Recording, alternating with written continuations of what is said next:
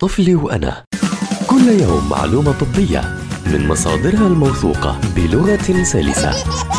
طفلي وأنا عبر أجيال مع أخصائية الأطفال وحديثي الولادة سما برغوثي. أهلا وسهلا بمستمعي ومستمعات أجيال عبر منصاتها المختلفة. تبول اللا إرادي من المشاكل اللي بتعمل ضغط وتوتر عند الأهل والطفل. إذا كان عمر الطفل خمس سنوات أو أكثر مهم نلجأ للطبيب. حتى يقيمه ويستثني وجود أي سبب مرضي عامل هاي المشكلة مثل مشاكل بالمسالك البولية إمساك مشاكل عصبية مشاكل بتأثر على النوم وعلى النفس خلال النوم. لما نطمن مع الدكتور إنه ما في سبب عضوي هون الأهل بيرتاحوا لأنه أغلب الحالات بتروح لحالها بدون أي تدخل.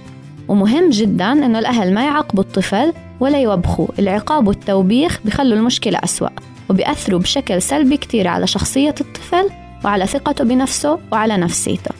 من الأمور الممكن تساعدنا إنه ما نشرب الطفل سوائل بعد الساعة 6 المساء ما يأكل أشياء فيها سكر أو يشرب مشروبات فيها كافيين بعد الستة المساء يروح على الحمام قبل ما ينام وممكن بعد كم ساعة من ما ينام نصحيه عشان يروح على الحمام.